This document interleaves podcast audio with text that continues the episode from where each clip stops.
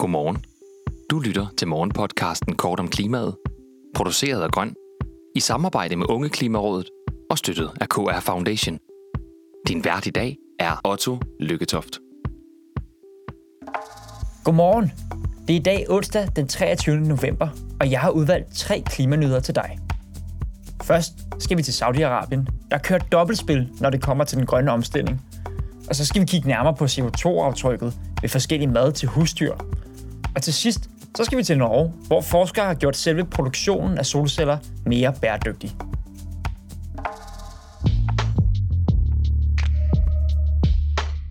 Saudi-Arabien arbejder målrettet mod at opretholde olie som en af verdens vigtigste energikilder.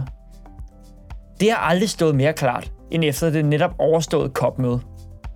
Ifølge The New York Times kæmpede oliestaten bag lukkede døre med negle og klør for målet om udfasning af fossile brændsler ikke blev en del af dette års aftale.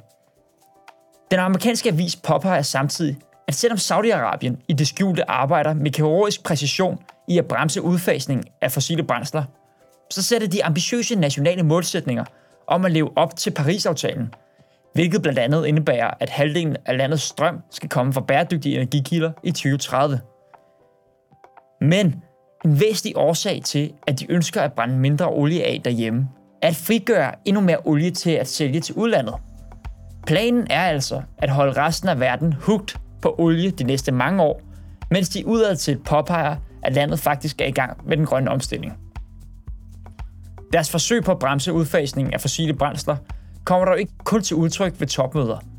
Det statsejede oliefirma Saudi Aramco er blevet en stor sponsor af videnskabelige studier, der skal så tvivl om f.eks. elbilers virke.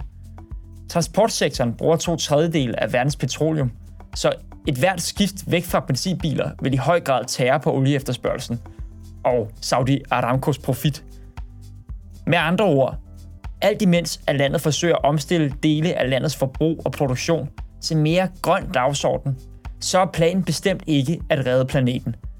Det var COP27 et klart bevis på. En historie, der måske ikke er nået ud i folks stuer, men som faktisk kunne være meget rar at kende til, hvis man nu havde en hund eller en kat i sin husstand, det er, at tørfoder viser sig markant mindre klimabelastende end vådfoder. Det skriver Klimamonitor, der videregiver resultaterne fra et brasiliansk studie, der har fuldt ca. 1000 katte eller hundes klimaaftryk ved diæt. Forskerne har således beregnet, at en hund på ca. 10 kg vil øge sit årlige CO2-aftryk fra ca. 800 kg CO2 til ca. 6.500.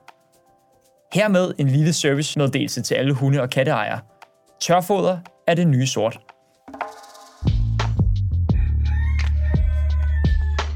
Dagens solstrålehistorie finder vi på EnergiWatch, der kan berette om, at norske forskere simpelthen formår at bruge restprodukterne fra selve produktionen af solceller til at skabe nye solceller.